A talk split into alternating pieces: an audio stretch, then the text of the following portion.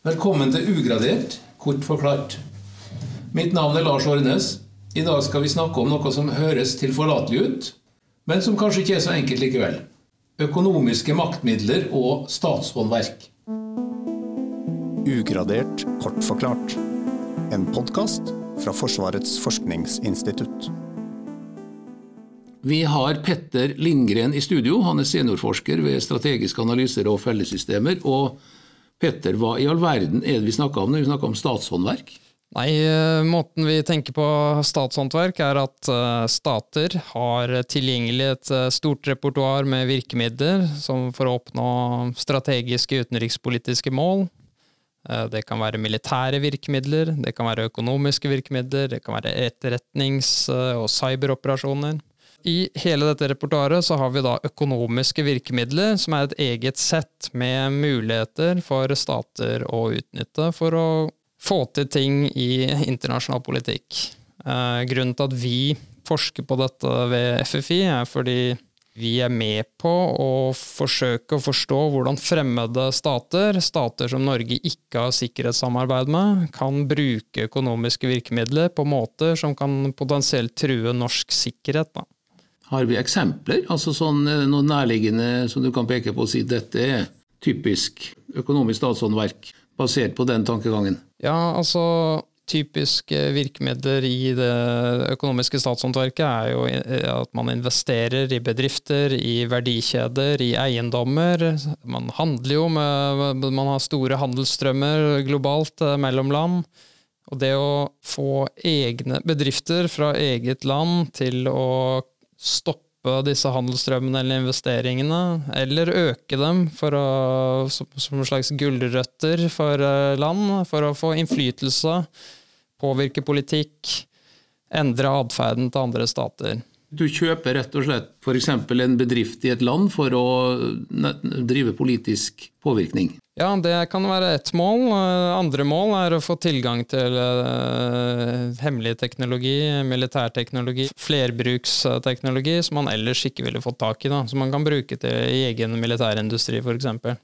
Eh, Norge prøver jo i samarbeid med andre allierte å beskytte en del av disse teknologiene, men gjennom oppkjøp eller å være en del av verdikjedene og tjenesteleverandører til eh, andre bedrifter, så kan man få tilgang til militærteknologi. Vi tenker kanskje ikke nok på det. Det har vært noen eksempler på um, bedrifter som har fått russiske eiere f.eks., og derigjennom nettopp fått tak i teknologi. Så hvordan skal han demme opp for dette her? Det, det, er kanskje ikke din jobb, men eh, det er jo noen må forske på det også? Absolutt. Eh, dette er noe man tenker på mye i eh, Norge, men også andre vestlige land. Kanskje er blitt en oppblomstring i å prøve å forstå, prøve å demme opp for dette de siste fem-seks årene. Da har man jo sett at eh, både i Norge og i andre land for forsøker man jo å screene for investeringer, for å vurdere hvem er det som er eierne, hva er hensikten til eieren. Eh, Norge er jo en liten åpen økonomi som ønsker mye Vi ønsker åpenhet globalt eh, på handel, finans, teknologisk samarbeid, men det er viktig da å identifisere de små områdene hvor nasjonale sikkerheten kan bli truet. Ja, for det er selvfølgelig ikke alt. Mye teknologi ligger jo i det åpne, men her er det snakk om ting som har strategisk betydning, da kanskje? Absolutt. Så det gjelder både teknologi, det gjelder eh, å ha kontroll på kritisk infrastruktur, det gjelder å ha være sikker på at selv i situasjoner hvor eh, forholdet mellom landene i verden eskalerer til mye mer konfliktfylte forhold, at vi har kontroll på de viktige, sentrale produksjonen av eh, tjenester og varer som vi trenger i, for å ha det bra i Norge. Så Hvis vi tenker oss en uh, tilspissa situasjon, så kan en um, type bedrift, stor og viktig bedrift i Norge være en slags trojansk hest for en utenlandsk interesse? Ja, det kan jo være en ting. Uh, en ting vi forsker en del på, er jo også at eh, ikke nødvendigvis sånn at Norge er i en konflikt, men at våre allierte, spesielt eh, den viktigste eh, sikkerhetsgarantisten til Norge, USA, har jo et globalt nedslagsfelt. Og er jo i en sterk stormaktsrivalisering allerede med Kina. Og hvis den situasjonen tilspisser seg, så blir på en måte Norge indirekte involvert i en eskalert konfliktsituasjon. Og da, av den grunn er vi også spesielt opptatt av Kina. Da. Kina viser jo også interesse og evne til å bruke økonomiske virkemidler. Med den rasende økonomiske veksten de har hatt de siste 30 årene, så har det blitt en, en av de største økonomiene i verden, med store investeringer i utlandet. Eh, så vi prøver å følge med på og forstå hvilke deler av den økonomiske samhandlingen med Kina som potensielt kan bli en utfordring for Norge. Da. Så skal det også sies at det er gledelig at kineserne har, blitt, har, fått økonomisk vekst, og at det er mye samhandling med Kina. Det skal fortsette, men eh, vi må prøve bare å undersøke, kartlegge og forstå hvordan vi kan eh, beskytte norsk sikkerhet. Eh, er det et stort miljø her ved FFI som forsker på dette med statshåndverk? Nei, vi er, Det er et større miljø som tenker på totalforsvar, som ikke bare tenker på Eh, Forsvaret og forsvarssektoren, men som tenker litt større knytta til hvordan vi skal kunne forsvare og beskytte norske samfunnet, så er det å forske på økonomiske virkemidler er et relativt lite miljø innad i den litt større tenkningen rundt uh, totalforsvar. Da. Hvordan ble det gjort? Altså, Hvordan forska dere? Det kan ikke akkurat reise til Kina heller. Nei, her er det jo både en stor forskningslitteratur som følger med på eh, hva USA driver med, eh, hva Russland driver med, hva Kina driver med. Så det er både å lese den litteraturen, være oppdatert på den. Det andre er å kartlegge eh, hvordan Kina og Russland spesielt da, bruker økonomiske virkemidler, for å prøve å forstå om vi da er sårbare for det. Og det tredje er å forstå hvordan økonomiske nettverk i verden fungerer, hvordan fungerer verdikjeder, hvordan kan man skape robuste verdikjeder som ikke er sårbare for eh, politisk påvirkning. Ja.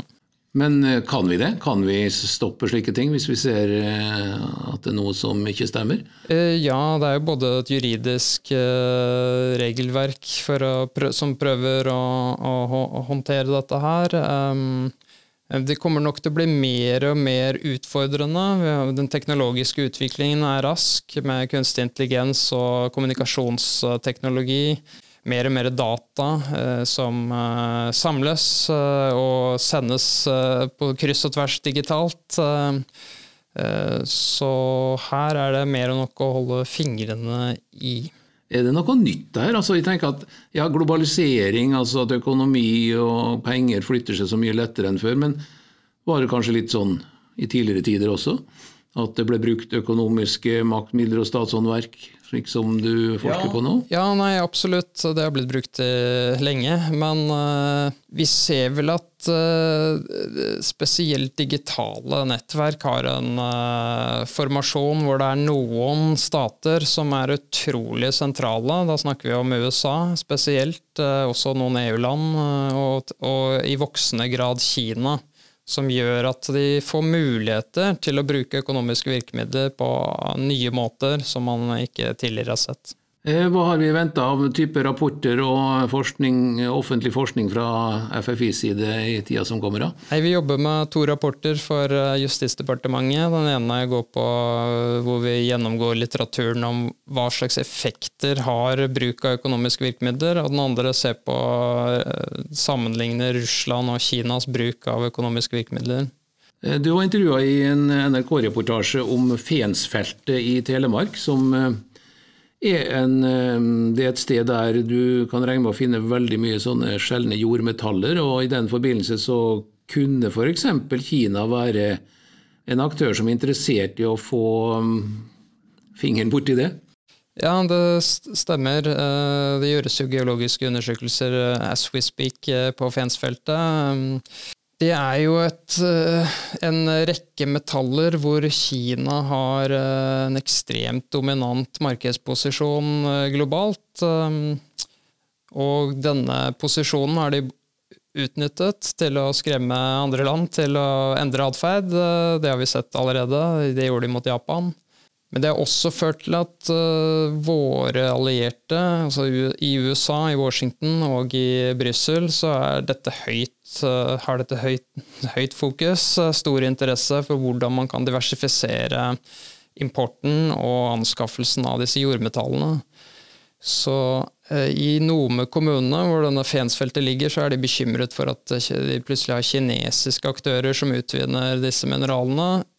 Jeg tror det er lite sannsynlig, både fordi Norge i seg selv vil være interessert i å, at det skal være andre aktører der. Det kan godt være internasjonale. Vi har god, vi har god kjennskap med å håndtere internasjonale aktører på, i petroleum og, i, og, på andre ressurser. Men det er også sånn at eh, USA vil jo Eh, det ville vært hårreisende i Washington hvis eh, Norge fikk kinesiske investorer til å utvinne disse mineralene, hvis det er slik at de er drivverdige. Altså, I Norge har man høye miljøkrav, eh, i Kina har man ikke hatt det. Det, det bedrer seg der òg, men det er klart hvis dette blir kommersielt interessant, så er det også strategisk interessant.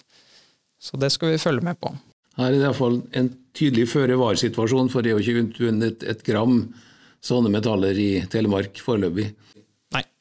Da har vi lært litt mer om økonomisk eh, statshåndverk. Eh, takk, Petter Lindgren, for at du ga oss en liten innføring i dette. Takk. Og følg oss gjerne videre for nye podkaster på ffi.no.